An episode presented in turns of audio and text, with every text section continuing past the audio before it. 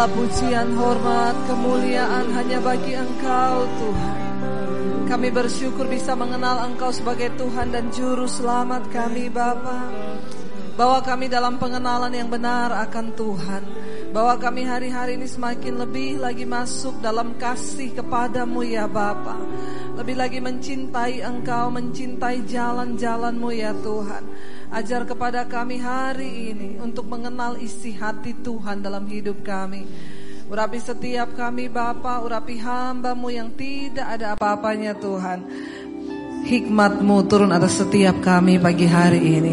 Di dalam nama Yesus yang percaya Tuhan di tengah kita memberkati kita. Mari kita akan bersama.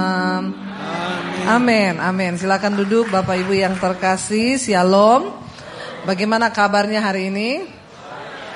Luar biasa karena kita punya Tuhan yang luar biasa. Sekalipun hujan, amin. Haleluya. Berarti saudara termasuk orang yang sungguh-sungguh mencintai Tuhan. Karena banyak orang Kristen yang jadi anak terang. Kalau terang ke gereja, kalau gelap tidak. Tapi ini benar-benar terang ini saudara ya. Ya hari ini saya dikasih tema tentang bagaimana kita hidup mengenal isi hati Tuhan. Wow, ini tema yang cukup berat. Mengenal isi hati Tuhan. Ya, saudara, tadi pagi saya sampaikan ya, ada tiga tipe jenis orang Kristen. Yang pertama adalah orang Kristen yang menentang Tuhan. Ada orang Kristen yang menentang Tuhan? Ada. Ya, di tempat ini ada? Haleluya. Tidak ada yang mengaku. Orang Kristen yang menentang Tuhan loh emang ada bu ada saudara. Ya kemarin saya dapat telepon dari seorang bapak dia bilang gini ibu saya ini baru percaya Tuhan Yesus 10 bulan. Saya bersyukur saya juga menemukan khotbah-khotbah ibu di YouTube. Tapi bu saya banyak tersandung sama orang Kristen. Saya banyak tersandung sama orang di gereja. Ya dan kalau udah kayak gitu rasanya iman saya jadi lemah. Kenapa ibu? Karena saya ini dulu dari garis keras. Dia dari Ya saya bilang Ya jangan tersandung sama orang Kristen Karena memang tidak semua orang Kristen itu Udah benar-benar dalam Tuhan Saya bilang sama dia Saya juga dulu pernah ngomong begini sama pendeta Pak kalau melihat Bapak ya Rasanya saya mau pindah lagi ke Muslim tapi untung saya lihat Tuhan Yesus. Kenapa ada orang berkata seperti itu? Karena memang di dalam gereja orang Kristen sendiri yang pertama ada tipe orang Kristen yang hidupnya itu menentang Tuhan. Padahal Kristen. Padahal ke gereja. Tapi dia menentang Tuhan. Lah ciri-cirinya apa? Coba kita lihat sama-sama di dalam Roma 10 ayat yang kedua. Roma 10 ayat yang kedua sampai ayat yang ketiga kita akan lihat sama-sama. Apa kata firman Tuhan tentang jenis tipe yang begini ini? Semoga ini bukan kita. Insya Allah. Roma 10 ayat yang ketiga, ya ayat 2 dan 3 berkata begini, sebab aku dapat memberi kesaksian tentang mereka, ini kata Rasul Paulus, bahwa mereka sungguh-sungguh giat apa? Untuk Allah, tetapi tanpa pengertian yang benar. Ayat yang ketiga baca sama-sama. Ayat yang ketiga sebab oleh karena mereka tidak mengenal kebenaran Allah dan oleh karena mereka berusaha untuk mendirikan kebenaran mereka sendiri, maka mereka tidak takluk kepada kebenaran Allah. Orang Kristen? Iya. Rasul Paulus bilang mereka giat untuk Allah. Wih, ke gereja tiap minggu. Hujan diterjang. Haleluya. Jadi pengerja? Iya. Majelis? Iya. Pelayan Tuhan? Mm -mm. Tapi karena tidak mengenal Tuhan dan kebenarannya. Hidup mereka menentang kebenaran firman Tuhan. Dan tadi ayat yang ketiga bilang apa? Mereka berusaha mendirikan apa? Kebenarannya sendiri. Bagaimana mungkin orang ikut Tuhan tapi masih berjalan dengan kebenaran sendiri? Gak bisa saudara. Ya, Tuhan itu punya saya beberapa tahun apalagi tahun ini ya bulan Januari kemarin diundang ke banyak gereja. Rata-rata ada yang bilang ibu um, tema khotbah kami uh, tahun ini adalah dimensi yang baru. Masuk ke dalam dimensi yang baru. Lalu nanti kalau WL-nya berkata tahun ini adalah tahun dimensi yang baru, amin. Jemaatnya teriak, yes. Saya bilang begini, saudara, apa yang ada di benak saudara ketika Anda mendengar masuk dalam dimensi yang baru? Kok semua tuh yesnya kayaknya seneng banget itu? Kenapa? Karena yang ada di dalam benak jemaat itu ketika masuk dalam dimensi baru, dimensinya Tuhan, itu mereka bayangannya apa? Berkat yang baru. Mobil yang baru. Rumah baru. Semua serba baru. Saya bilang, waktu kita mendengar kata masuk dimensi baru, dimensinya Tuhan, hello, ada air mata di sana. Ada daging yang ter terhancurkan, ada pergumulan. Mendengar kata dimensi yang baru itu nggak enak. Kalau saya loh, nggak tahu kalau jemaat. Kenapa pada senang? Karena tidak mengerti kebenaran. Membangun kebenarannya sendiri. Yang dibayangannya dia waktu dibilang itu dimensi yang baru. Mobil baru, rumah baru, promosi baru. Ketika saya mendengar tentang masuk dalam dimensinya baru, dimensinya Tuhan. Itu berbicara tentang bayar harga. Kenapa? Karena dimensi berbicara tentang ukuran. Ukuran Tuhan dan ukuran kita itu ber Beda. Standar Tuhan dan standar manusia itu berbeda. Nah waktu kita masuk dalam dimensi Tuhan itu berarti kita harus menyelaraskan standar kita sesuai dengan standar Tuhan. Dan itu enak?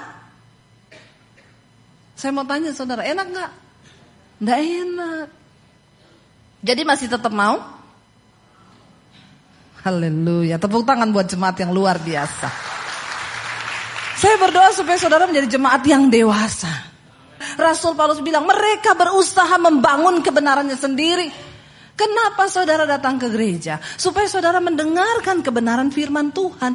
Supaya lambat laun kita punya kebenaran diri itu mulai terkikis lalu digantikan dengan kebenaran Tuhan.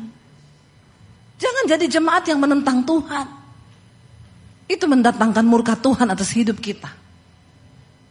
Makanya ada orang-orang yang telepon konseling sama saya, Bu, saya sama suami sudah tidak cocok. Kenapa suami saya kasar, Bu? Dia selingkuh, Bu. Apa yang harus saya lakukan? Kalau kamu datang kepada saya dan bertanya seperti itu, maka saya akan kasih standar Tuhan.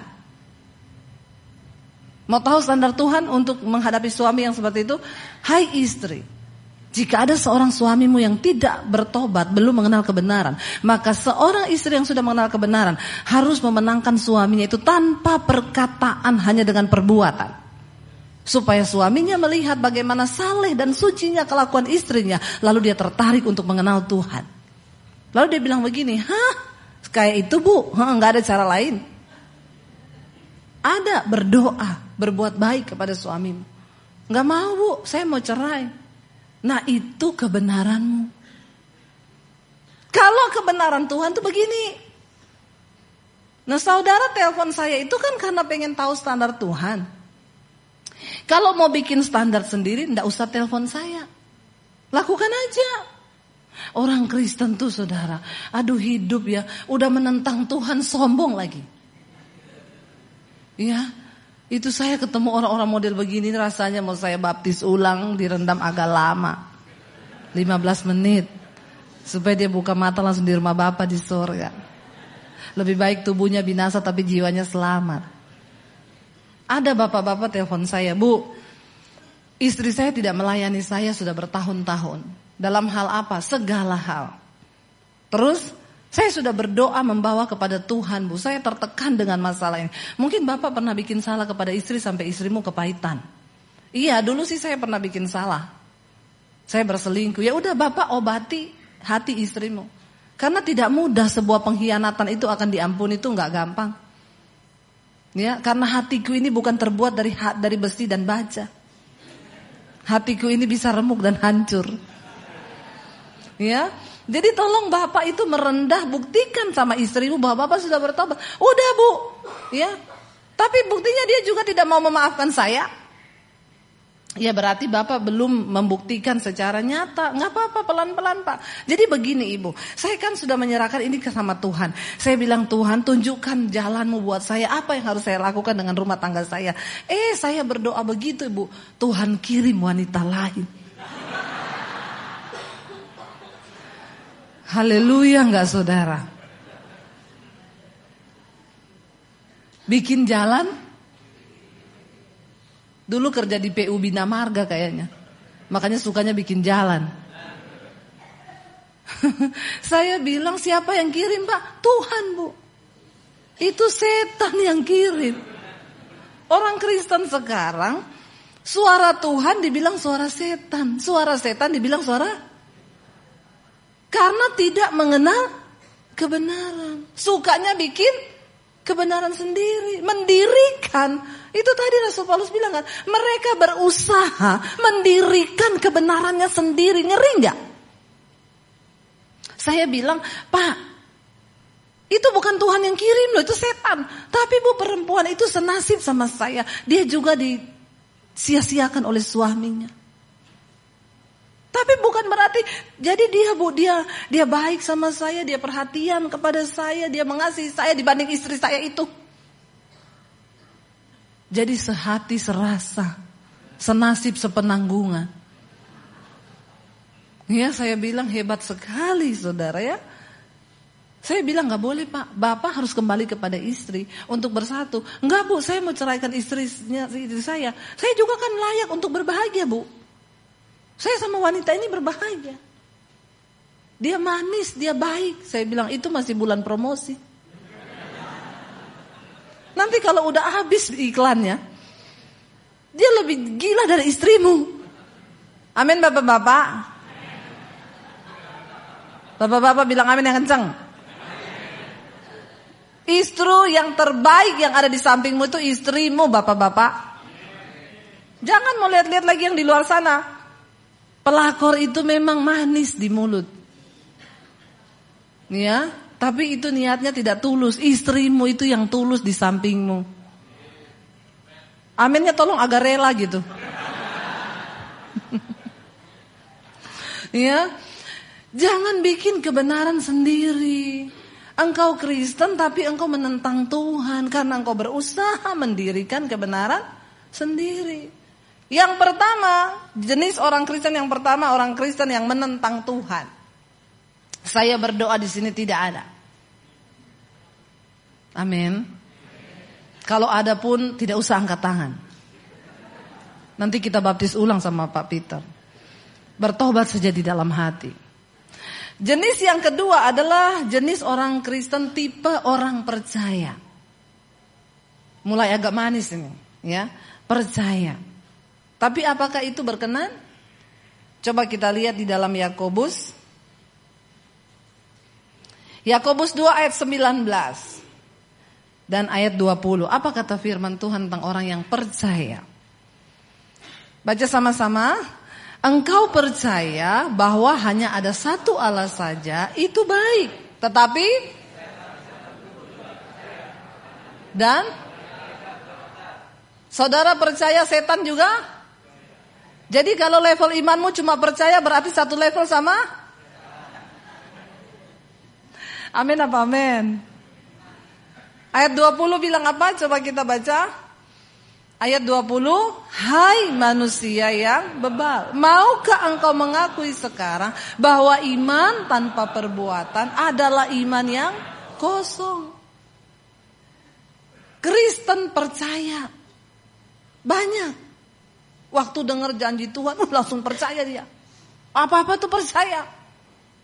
Tapi kelakuan urusan belakangan, pokoknya percaya. Ayat ini cukup menemplak kita. Dikatakan engkau percaya hanya ada satu Allah, itu baik. Baik. Kita percaya Tuhan, hanya ada satu Tuhan, itu baik. Tetapi ada tetapinya, setan-setan pun juga percaya akan itu dan mereka gemetar. Malah mungkin setan levelnya lebih tinggi dari kita. Kenapa setan percaya dan ge? Kita percaya dan tidak Aduh Tuhan ampuni Tuhan. Ya, ini Kristen percaya loh. Biar kita buka-bukaan aja sekarang, belak-belakan aja. Supaya kita tahu level iman kita di mana. Jangan main-main lagi dengan iman kekristenan kita. Waktunya sudah begitu singkat. Orang Kristen tipe percaya itu, ya, ini kan banyak virus nih saudara. Ya, corona lagi merajalela. Lalu orang Kristen yang cuma tipe percaya jadikan ayat sebagai jimat. Mazmur 91. Diperkatakan itu. Ditulis taruh di dompet. Haleluya. Ya. Pokoknya Mazmur 91 gini loh saudara gini ya. Itu ayat Alkitab bilang iman tanpa perbuatan tuh mati. Bagus engkau percaya. Tuhan bilang itu baik, itu baik. Tapi iman tanpa perbuatan itu mati. Mazmur 91 itu indah banget memang kita baca. Walau seribu rebah di samping kanan kirimu, sepuluh ribu di sebelah kananmu, engkau hanya akan menonton saja. Karena Tuhan melindungi engkau dalam kepak sayapnya. Wih, apabila kita berseru, dia menjawab kita, iya percaya saya. Tapi ada syaratnya. Nanti kita akan bahas setelah ini. Saya cuma lagi bahas Kristen percaya ini. Kalau dengar firman cepet dia Pendeta bilang, Anda pasti diberkati. Amin. Ya itu tadi, masuk dimensi baru. Amin. Yes, yes, yes, yes, yes. Percayanya kebablasan non rem. Jadi nabrak kanan kiri, nggak ngerti. Itu baik, kata firman Tuhan. Tapi setan juga percaya. Jadi jangan mau satu level sama setan. Nah ini Kristen yang ketiga ini, nah kita mau mencapai di sini adalah Kristen yang mengenal Tuhan, mengenal hati Tuhan, ya. Di sana dikatakan coba kita baca sama-sama Galatia 4 ayat yang ke-8. Saudara tahu dan mengenal itu beda. Ada banyak orang Kristen tahu tentang Tuhan, tapi hanya sedikit yang mengenal Tuhan. Kalau tahu itu cuma tahu, tapi mengenal itu punya hubungan. Ya, coba kita lihat Galatia 4 ayat yang ke-8, baca sama-sama. 1 2 3. Dahulu ketika kamu tidak mengenal Allah, kamu memperhambakan diri kepada Allah-Allah yang pada hakikatnya bukan Allah, ya. Lalu ayat yang ke-9 bilang apa?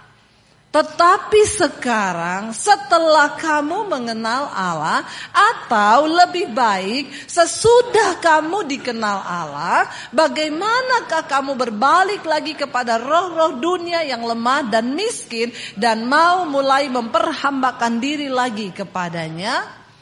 Orang yang sudah mengenal Allah tidak lagi melakukan perbuatan-perbuatan mengikuti roh-roh dunia yang miskin itu. Masih hidup dalam kedagingan, masih hidup dalam hawa nafsu. Ayat tadi bilang, setelah kita mengenal Allah atau lebih baik setelah Allah mengenal kita. Karena banyak orang ngaku-ngaku mengenal Tuhan, padahal tidak dikenal Tuhan. Mengerikan Yesus berkata, nanti aku akan datang kembali. Orang-orang bilang, Tuhan aku melakukan mujizat demi namamu. Aku sembuhkan orang, aku doakan orang mati bangkit demi namamu. Tuhan bilang, enya engkau, aku tidak mengenal engkau. Ada orang itu terlalu GR. Dia pikir dia dikenal Tuhan karena melakukan kegiatan-kegiatan rutinitas rohaninya tadi. Mereka giat untuk pekerjaan Allah. Yaitu yang dulu saya pernah tanya ada sopir Grab. Dia bilang, ibu mau ke mana? Mau ke gereja. Gerejanya jauh banget bu, saya pendeta. Makanya saya diundang, jauh gerejanya. Oh, dia bilang, saya juga orang Kristen bu. Lah kamu nggak nggak ke gereja? Lah kenapa ke gereja bu? Saya tuh ke gereja setahun sekali kalau Natal. Terus saya bilang, loh kita, kamu nggak cari Tuhan? Jawabannya gini saudara, cari Tuhan. Hm, Tuhan kok dicari-cari. Tuhan itu di hati. Ini kayaknya berhikmat banget loh saudara. Saya dengar itu langsung kelepek-kelepek. Wih, mantap ini orang ya. Keren loh. Ya. Iya saudara langsung dia skakmat saya. Saya bilang, lah nggak ke gereja bang. Ngapain ke gereja bu? Cari Tuhan. Tuhan kok dicari-cari. Tuhan itu di hati. Terus dia sambung, saya bu, walaupun mabuk, saya putar lagu rohani.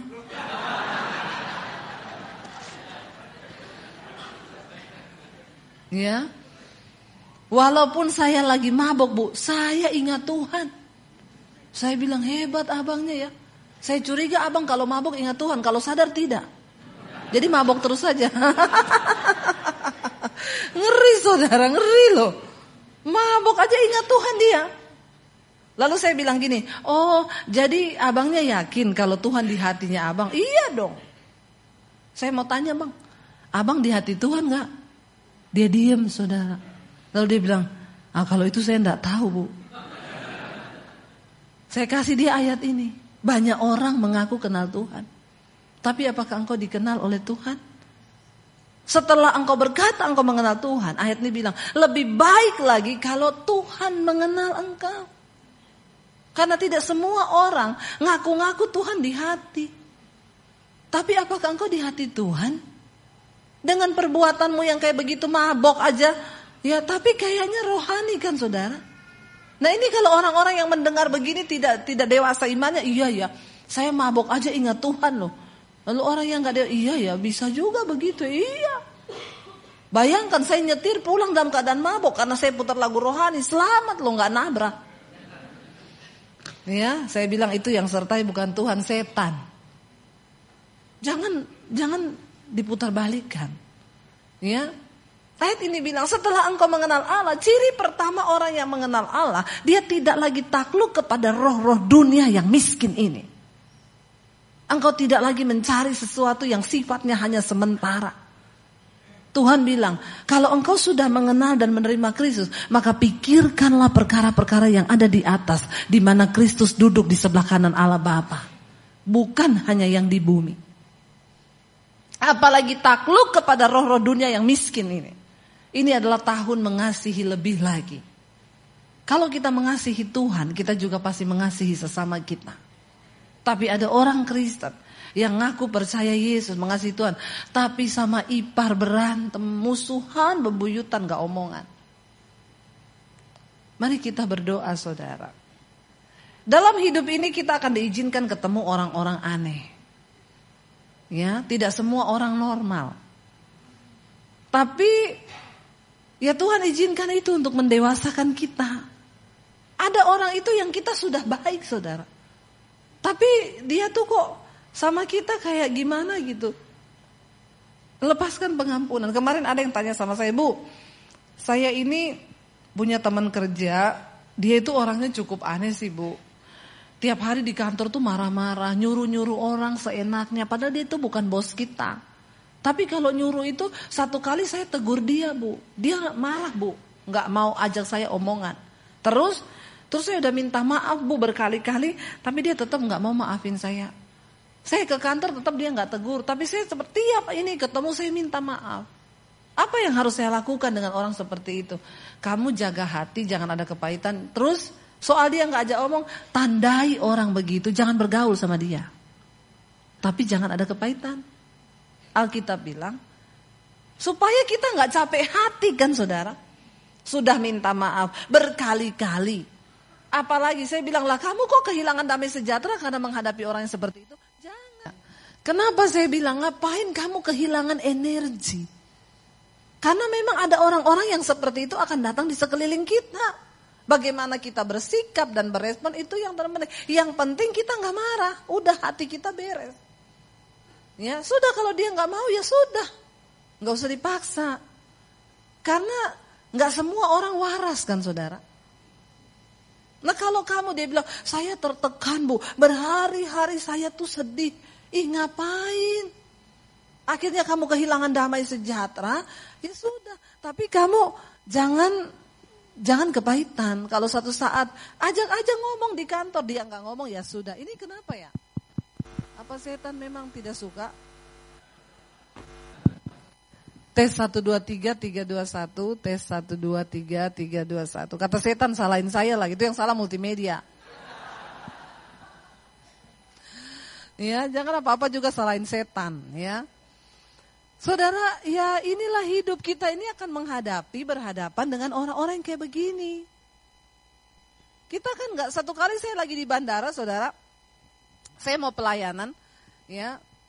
Ini mengecil lagi loh suaranya ya. Tes 1, 2, 3, 3, 2, 1, tes dicoba, dicoba. Ya, nah begitu ke. Apa itu yang dikore itu di situ? Tepuk tangan buat multimedianya. Haleluya. Saudara, satu kali saya di bandara mau pelayanan ke ke Batam. Ya, karena tiba-tiba di bandara tuh saya pusing ya, lalu saya ah mampir ada kafe di situ. Saya mampir di kafe, saya pesen roti, Saudara, ya sama kopi. Saya duduk di situ karena masnya bilang begini, "Rotinya ini ya, Bu?" "Iya." Berarti kan itu punya saya kan? Bayar dulu, Bu. Saya bayarlah ke kasir kan. Saya, dia dia tanya mau dipanasin bu, iya panasin dulu aja karena saya mau langsung makan. Oh iya tunggu ya. Dia agak lama, saya berdiri di situ agak lama, saya duduk. Saya bilang, mas saya duduk di meja situ ya. Iya nanti kalau udah selesai saya panggil bu. Saya duduk saudara, begitu saya duduk, saya sambil liatin roti itu kan. Lagi duduk ada bapak-bapak datang. Roti itu selesai ditaruh di atas meja, dia samber roti saya. Terus dia bawa ke mejanya, dia jalan begitu pergi duduk di meja. Jadi saya ini kan melihat. Karena saya sudah berharap mau cepat-cepat makan, karena saya pusing kan. Terus saya, ah saya nggak mau zouzon lah ya. Anak muda sekarang bilang jangan zouzon. Jangan berprasangka buruk. Jadi saya pikir oh dia udah pesen tadi kali rotinya sama, tapi dia duluan dia punya dibakar. Saya tunggu-tunggu nggak datang-datang. Jadi saya pergi, Mas roti saya tadi mana? Lah itu tadi loh mana bu hilang. Terus saya bilang, di bawah bapaknya itu kali. Dia lihat meja bapaknya, oh iya. Lalu dia tanya, dia datang ke mejanya, Pak, maaf ya, tadi bapak pesan roti ini, udah dibayar? Bapaknya ngomong gini, enggak. Bapak nggak pesan? Enggak. Bapak belum bayar? Belum. Saya yang menyaksikan itu saudara di hati. Aneh enggak? Ya, tapi dalam hati saya berkata, mungkin dia lapar. Ada loh orang-orang begitu itu ya. Kita akan jumpai orang yang seperti itu. Tapi ya, ya itulah hidup. Kita kan nggak bisa memilih siapa yang kita mau ketemuin. Bahkan keluarga. Ada keluarga saudara. Waktu kita susah diomongin. Kita seneng diomongin. Sampai ada orang bikin statement begini, percayalah 95% orang di sekelilingmu itu diam-diam membencimu. Waduh, itu survei yang mengatakan. Kita susah, diomongin. Kita seneng, diomongin. Terus mau gimana? Happy aja. Amin. Inilah hidup. Bagaimana kita bersikap? Saya bilang sama ibu itu, Ya jangan terpengaruh. Ibu tetap me, melayani, tetap ini, tapi ya udah nggak usah bergaul sedekat dulu lagi. Malah bersyukur sekarang ibu jadi tahu karakter dia yang asli. Saudara, ya bagaimana kita menjadi orang yang dikenal oleh Tuhan, ya. Saya berdoa supaya jemaat di tempat ini bukan menjadi jemaat yang menentang Tuhan, bukan hanya menjadi jemaat yang percaya, tapi sungguh-sungguh mengenal Tuhan sampai kedalaman hatinya. Dulu saya dulu waktu diusir dari rumah kan saya ada di tempat kos di kota Palu. Di kos-kosan itu saya menggerakkan doa pagi, saya menggerakkan doa malam setiap hari. Ya karena saya nggak ngapa-ngapain mereka anak kuliah yang mau aja nggak dipaksa. Siapa yang mau doa, pokoknya kita jam 5 pagi sudah berdoa. Siapa yang mau doa malam, kita jam 7 malam ada doa. Lalu ada doa puasa. Padahal itu bukan sekolah Alkitab. Itu bukan bukan pastori. Tapi saya tergerak aja bikin begitu karena saya rindu supaya kita lebih mengenal Tuhan, anak-anak kos itu menyerahkan dirinya kepada Tuhan. Lalu di situ saudara banyak karunia-karunia rohani yang terjadi. Kita bukan orang yang pintar-pintar yang yang punya ilmu tentang Tuhan enggak, kita cuma anak-anak kos yang enggak punya apa-apa tapi punya hati untuk cari Tuhan. Lalu satu kali teman saya bernubuat buat saya lagi dalam suasana doa, ada hadirat Tuhan, dia berkata begini. Tiba-tiba dia berbahasa roh, lalu dia bernubuat untuk saya, dia bilang, aku akan memilih engkau untuk menjadi hambaku. Kenapa? Karena engkau bukan hanya mendengar, engkau bukan hanya peka mendengar suaraku, tapi engkau mengenal isi hatiku. Habis itu saya merenungkan itu. Bukan hanya peka mendengar suara, tetapi mengenal isi hati. Itu kita masuk lebih dalam lagi kepada Tuhan. Sekarang itu orang mendengar suara Tuhan aja bingung saudara. Saya itu pelayanan lewat channel YouTube saya itu memang jadi beberapa waktu yang lalu itu saya dapat suara Tuhan begini, ambil alih dunia media. Karena hari-hari ini dunia media itu berkembang luar biasa. Warnai dunia media, beritakan Injilku. Saya nggak kepikiran jadi youtuber apalah enggak. Cuma dari sebuah kerinduan Tuhan di hati saya. Yang Tuhan bicara itu dia sampaikan kerinduan hatinya untuk saya ambil alih dunia media. Orang-orang dari agama lain itu mulai menghubungi saya lewat telepon. Ibu, saya bukan orang Kristen, tapi saya nonton khotbahnya ibu karena saya mencintai kebenaran. Ada orang datang dari luar negeri. Saya mau dibaptis ibu-ibu. Saya datang sama suami saya. Saya mau dibaptis bu. Saya bilang, tapi mau dikeluarin surat. Nggak usah pakai surat. Saya cuma mau menggenapi kehendak Tuhan. Dari Singapura. Baptis di hotel. Pulang lagi ke Singapura. Saya dengerin khotbah ibu di Youtube. Wow. Orang yang pakai datang minta dibaptis. Saya melihat bagaimana Tuhan bekerja. Yang dari homo, ya, pelakor, hidup dengan suami orang. Majelis yang jatuh dalam persinahan. Tuhan jamah, Tuhan lawat. Mereka mulai bertanya, ibu kasih tahu jalan Tuhan, saya mau bertobat. Saudara lihat, waktu kita nangkap dengan apa yang Tuhan mau. Jadi bagi saya itu Kekristenan itu bukan sekedar agama yang cuma engkau Tuhan itu masih berbicara sampai hari ini. Amin. Saudara percaya bahwa Tuhan masih berbicara? Yes, dia Tuhan yang hidup. Dan dia pasti memberitahukan rencananya atas hidupmu. Kenapa? Rencana Tuhan atas hidup kita tidak bisa diwakili oleh siapa pun. Dia sedang berurusan secara pribadi dengan hidupmu. Amin. Satu kali ada seorang bapak dia komen di, di, di, di YouTube saya. Saya khotbah saya bilang gini, lalu saudara waktu saya lagi marah, tiba-tiba Tuhan bicara di hati saya, jangan marah. Terus dia komen begini, uh situ bisa dengar suara Tuhan ya, di dukun apa pendeta lu? Wah saya baca komennya begitu. Saya balas, saya bilang Pak, jadilah sesuai imanmu. Kalau Bapak percaya bahwa Tuhan sanggup berbicara bagi kita anak-anaknya, Bapak akan mengalami. Tapi kalau tidak, Bapak tidak akan pernah mengalami. Kalau Bapak mau buka hati, dia komen-komen di YouTube saya itu pedes saudara. Di YouTube itu komennya nggak semua enak. Seratus yang komen, ada lima orang yang tidak enak. Ada yang ngomong gini, Allah pendeta abal-abal ngaku-ngakunya aja dari muslim, padahal cuma cari duit. Haleluya, nggak apa-apa. Itu pasti yang komen dari seberang. Saya bilang Tuhan memberkatimu. Saya berdoa supaya Tuhan Yesus jamah hatimu. Karena YouTube lintas agama. Lintas budaya. Di kamar tidur dia dengar. Dia komen begitu. Tapi dia dengar kan khotbah saya. Haleluya enggak? Puji Tuhan. Yesus bilang yang penting dia dengar dulu. Karena firman Tuhan tidak pernah kembali dengan sia-sia. Ada yang komen, hah pendeta pinter ngomong padahal tidak menjadi pelaku firman. Kenapa rambutnya pendek?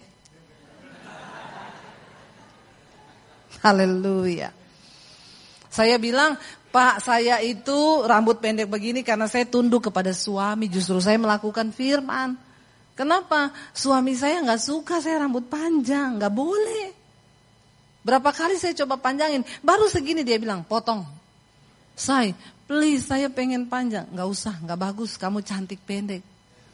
Jadi dia kalau belai nggak usah panjang-panjang, cuma cukup sayang. Kalau pendek kan belayannya panjang, kalau panjang kan sayang ya. Kalau gini kan cuma sayang. Udah selesai, nggak alay lebay. ya. Sampai dulu saya saking pengen rambut panjang, saya pergi hair extension saudara. Saya pikir gini, mungkin karena dia belum lihat saya rambut panjang. Jadi dia nggak bolehin. Tapi kalau dia sudah lihat, pasti dia bolehin. Anak saya tiga perempuan, rambutnya panjang semua. Iya mam, kita dukung mami. Cepet sambung rambutnya mam. Saya pergi ke salon, nunggu berjam-jam saudara. Dengan harapan bikin surprise untuk suami. Rambut saya disambung sampai panjang. Udah mirip Arsyanti.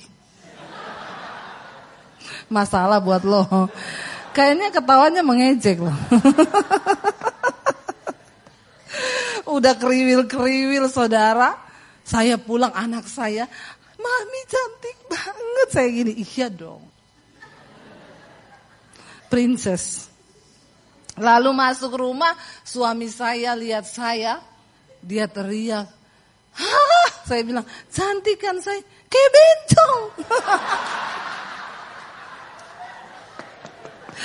Aduh, tidak seindah. Dia langsung bilang gini, sekarang juga balik copot. Anak saya yang nangis yang kecil, ih papi please deh, mami tuh cantik tahu rambutnya panjang. Saya bilang iya say, aku udah seharian loh ini pasang ini, masa balik lagi di sana? Please saya bilang sebulan deh. Kata anak saya, iya pap sebulan aja. Dia bilang ya udah, malam-malam tidur saudara, dia mau peluk saya, tiba-tiba dia teriak. ya, udah mau tidur mau peluk, wah kata dia, kenapa say? Bener kayak peluk bencong, copot deh copot. Jadi terpaksa tidak bisa satu bulan, tidak bisa satu minggu, cuma satu hari. Besoknya saya copot. Ya, jadi jangan bilang saya tidak melakukan firman lah ya. Kayaknya juga Tuhan tidak melihat dari penampilan. Ada komen-komen yang begitu. Lalu Bapak itu saya bilang gini, Pak, Bapak harus mengalami Tuhan supaya Bapak bisa mendengarkan suaranya. Eh satu kali dia inbox saya saudara minta nomor HP. Tiba-tiba masuk di HP saya. Bu, saya ini orang pintar. Saya bilang sering minum tolak angin? orang pintar minum tolak angin. ya. Dia bilang enggak bu, saya sekolah di Amerika. Saya pernah sekolah di Australia. Titel saya titel luar negeri semua. Belajar tentang Tuhan, saya ikut seminari. Sekolah-sekolah kenabian, saya pengen mempelajari Tuhan. Tapi saya dengar khotbah ibu yang judulnya Hidup Menyatu dengan Tuhan. Di situ saya tertemplak bu, ketika saya mendengar ibu bilang begini. Banyak orang ingin mempelajari Tuhan, tetapi saya mau bilang Tuhan itu nggak bisa dipelajari, tapi harus dialami. Lalu dia bilang sama saya, Bu, itu saya. Dan ketika saya berhasil mempelajari Tuhan, ilmu saya bertambah. Ternyata saya jadi arogan. Saya merasa saya yang paling benar dan semua orang salah. Tapi benar bu yang ibu ngomong. Satu kurangnya saya bu, apa? Saya belum mengalami Tuhan. Saya bilang, sehebat apa pun ilmu yang Bapak punya tentang Tuhan, kalau engkau belum mengalami Tuhan, gak bisa ngomong. Amin. Karena Tuhan tuh nggak bisa dipelajari tapi dialami. Lalu saya bilang sama dia, Pak, saya bukan orang pinter, Pak. Saya tidak punya cukup ilmu tentang Tuhan. Saya hanya seorang bodoh yang waktu itu mau mengakhiri hidup saya dengan cara bunuh diri. Lalu saya merendahkan diri dan berkata, Tuhan, siapa engkau sebelum saya mati bunuh diri? Saya pengen mengenal engkau ciptaan saya, yang pencipta saya. Dan ketika saya buka hati begitu, Tuhan tuh masuk dalam hidup saya. Saya mengenal dia, saya mengenal isi hatinya dan itu yang mengubahkan hidup saya. Akhirnya dia bilang gini sama saya, Bu, saya pengen banyak belajar dari ibu. Ibu mau nggak jadi mentor saya? Tadinya kalau ngomong, situ dukun. Saudara, ya, ketika engkau mengalami Tuhan, orang yang berhikmat adalah orang yang mengenal Tuhan. Bagaimana caranya? Mari kita buka Mazmur. Mazmur 25 ayat yang ke-14 secara cepat saja karena waktunya tinggal sedikit. Mazmur 25 ayat 14 berkata begini 1 2 3 kita baca Tuhan bergaul karib dengan orang yang takut akan Dia dan perjanjiannya diberitahukannya kepada mereka. Ini ayat wow banget. Siapa yang mau jadi sahabat karibnya Tuhan? No, Yesus berkata, aku tidak menyebut kamu lagi hamba. Karena hamba nggak tahu apa yang dilakukan oleh tuannya. Tetapi sahabat tahu apa yang dilakukan oleh sahabatnya. Makanya Yesus bilang, aku menyebut kamu sahabat. Bagaimana kita menjadi sahabat karibnya Tuhan? Sahabat karib itu apa saudara? Orang yang kita bisa curahkan semua isi hati kita. Nggak sembarang orang bisa terbuka loh. Kalau kita nggak mengenal dia dengan benar, kita ini nggak mau kan terbuka kepada dia. Benar nggak? Saudara punya nggak sahabat karib? di hidupmu. Satu kali saya bilang sama suami saya gini, saya orang-orang di luar sana itu punya sahabat karib loh. Terus saya tanya sama suami saya, kamu siapa sahabat karibmu? Kan kamu perlu curhat juga. Lalu dia bilang sama saya gini, kamu enggak kenal sahabat karib saya? Enggak, siapa? Lah kamu kan sahabat karibku. Oh iya ya, saya juga nggak punya sahabat karib. Sahabat karib saya suami saya. Harusnya itu yang benar. Amin. Jangan bapak-bapak sahabat karibnya istri tetangga. Nah, ini bahaya. Saya cocok kalau curhat sama dia. Hati-hati loh saudara. Atau teman kantor. Ya sahabat karib kita ya pasangan kita. Yesus bilang, aku tidak menganggap kamu lagi hamba, tapi sahabat. Kenapa? Karena hamba nggak tahu apa yang dilakukan tuannya. Dia bilang, Tuhan bilang di sini, Tuhan bergaul karib dengan orang yang takut akan dia. Dan perjanjiannya diberitahukannya kepada kita. Wow enggak? Kenapa ada orang yang enak ya saya tuh orang tuh bilang ibu tuh kalau khotbah ngomong dengar suara Tuhan. Iya Tuhan tuh masih berbicara. Dia kasih tahu janji-janjinya. Saya itu melangkah untuk bikin YouTube itu Tuhan yang mendorong. Roh Kudus terus mendorong saya sampai saya mencari terus apa sih yang Tuhan mau ini. Media itu media apa? Saudara tahu Intinya engkau mau dulu. Saudara ingat kisah Daniel, waktu Daniel berpuasa meminta hikmat Tuhan. Di ayat itu dikatakan Daniel bersama dengan banyak orang datang menghadap Tuhan. Tetapi hanya Daniel yang melihat penglihatan dan visi itu. Ada banyak orang datang ke gereja. Tapi Tuhan berurusan pribadi dengan orang yang mau sungguh-sungguh takut akan Tuhan. Ada banyak orang yang datang menghadap Tuhan, tapi cuma Daniel yang mendengarkan dan melihat penglihatan itu. Yang lain kagak. Banyak orang ke gereja, tapi hanya sedikit orang yang sungguh-sungguh mencari dan hidup takut akan Tuhan. Mereka yang akan menerima visi besar. Saudara saudara pikir orang-orang yang menerima visi besar, melakukan hal yang besar itu orang sembarangan? Enggak. Mereka berjalan bersama Tuhan. Nah tadi saya singgung sempat sempat singgung orang Kristen jadikan ayat sekarang jimat, jadikan itu mantra. Oh lagi ada virus nggak apa-apa, pegang Mazmur 91. Saudara baca ayat Mazmur 91 yang pertama itu apa? Sebelum engkau melangkah pada ayat-ayat yang berikutnya tentang janji berkat, janji perlindungan, lihat dulu ayat yang pertamanya. Di sana dikatakan Mazmur 91 ayat yang pertama, ya. Orang yang duduk dalam lindungan yang maha tinggi dan bermalam dalam naungan yang maha kuasa. Orang ini yang akan mengalami semua janji Tuhan itu. Kalau dalam terjemahan bahasa Inggrisnya dibilang orang yang diam dalam the secret of God. Tempat rahasianya Tuhan. Di mana itu tempat rahasianya Tuhan? Saya mencoba memikirkan ayat ini. Tempat rahasia Tuhan itu di mana? Lalu Roh Kudus mulai kasih saya pemahaman. Ya. Tempat rahasianya Tuhan itu di mana Saudara? Ketika engkau berjalan melakukan kehendak Tuhan. Ketika engkau berjalan di dalam visinya. Ketika engkau berjalan dalam menggenapi kehendaknya. Engkau sedang berada dalam tempat rahasianya Tuhan. Kenapa? Karena Tuhan itu memberitahukan rahasianya kepada orang-orang yang takut akan Tuhan. Wow. Waktu kita berjalan dengan tuntunan Tuhan, kita sedang berada di dalam tempat rahasianya Tuhan. Dan ayat ini berlaku bagi mereka yang hidup menggenapi visi Tuhan. yang hidup menggenapi kehendak Tuhan. Waktu kami kecelakaan mobil satu keluarga, saudara dengar kesaksian saya, mobil kami hancur 80 persen.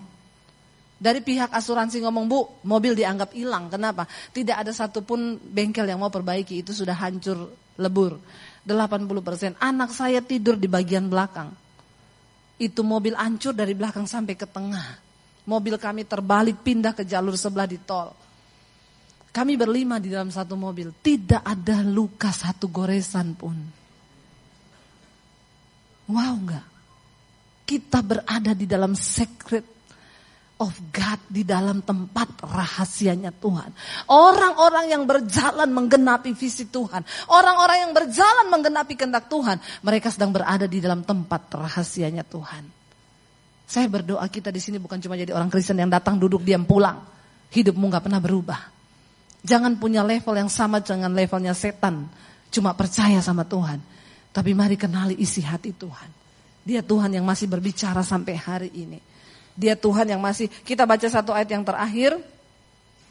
Mazmur 91 ayat 14. Ini juga kuncinya Mazmur 91. Jangan cuma dipakai Jimat. Ya, Mazmur 91 ayat 14 berkata apa? Sungguh apa?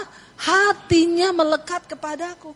Maka aku meluputkannya, aku membentenginya sebab ia mengenal namaku. Engkau jadi Kristen, hatimu tidak melekat, hatimu tidak mengenal, cuma tahu tentang Tuhan. Kuncinya apa? Mengenal Tuhan. Bagaimana mengenal Tuhan? Hatimu tuh melekat pada Tuhan. Ketika satu saat engkau diperhadapkan untuk bersinah, Engkau hatimu melekat Tuhan enggak? Aku tidak akan pernah menyakiti hati Tuhan dengan melakukan dosa kenajisan. Ketika engkau didapat kesempatan untuk nyolong, untuk nyuri uang orang, engkau akan berkata enggak, aku tidak akan pernah melukai Tuhan. Kenapa sampai hari ini saya memilih tidak berselingkuh? Saya bisa enggak berselingkuh? Bisa. Godaannya ada? Banyak.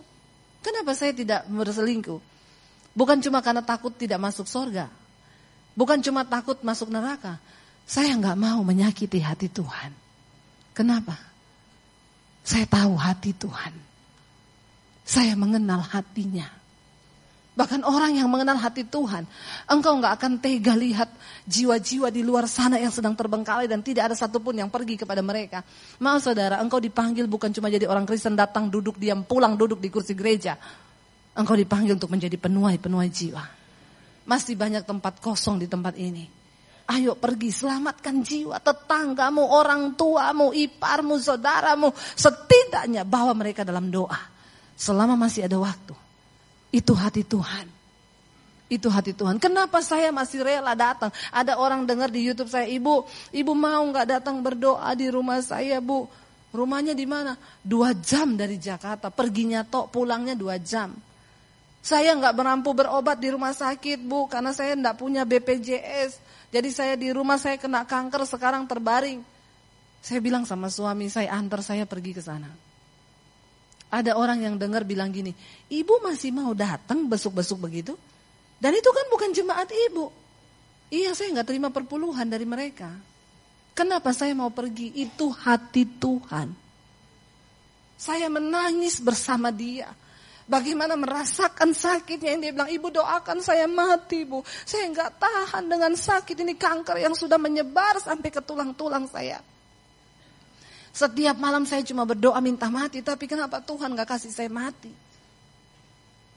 Dia bilang, saya bersyukur bisa kenal ibu, ibu mau datang. Kayaknya cuma ibu hamba Tuhan yang mau datang injak rumah saya. Air mata saya menetes. Tuhan bilang, ini hatiku.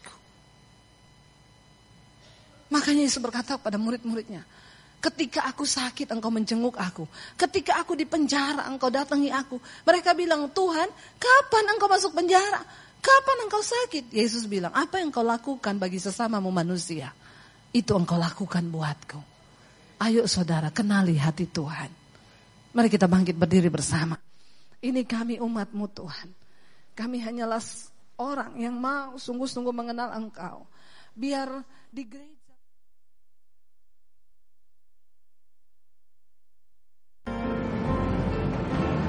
Shalom saudara, jika Anda merasa diberkati dengan channel YouTube saya, Anda bisa komen, like, dan share.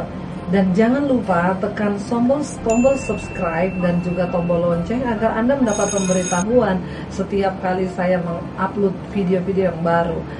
Ini sangat penting buat channel ini saudara supaya banyak orang juga diberkati dan channel ini boleh juga terus berkembang dan menjadi berkat buat banyak orang. Terima kasih, Tuhan memberkati saatmu masih terjadi. Tiap hari selalu terjadi. Mujizatmu masih terjadi. Setiap hari selalu terjadi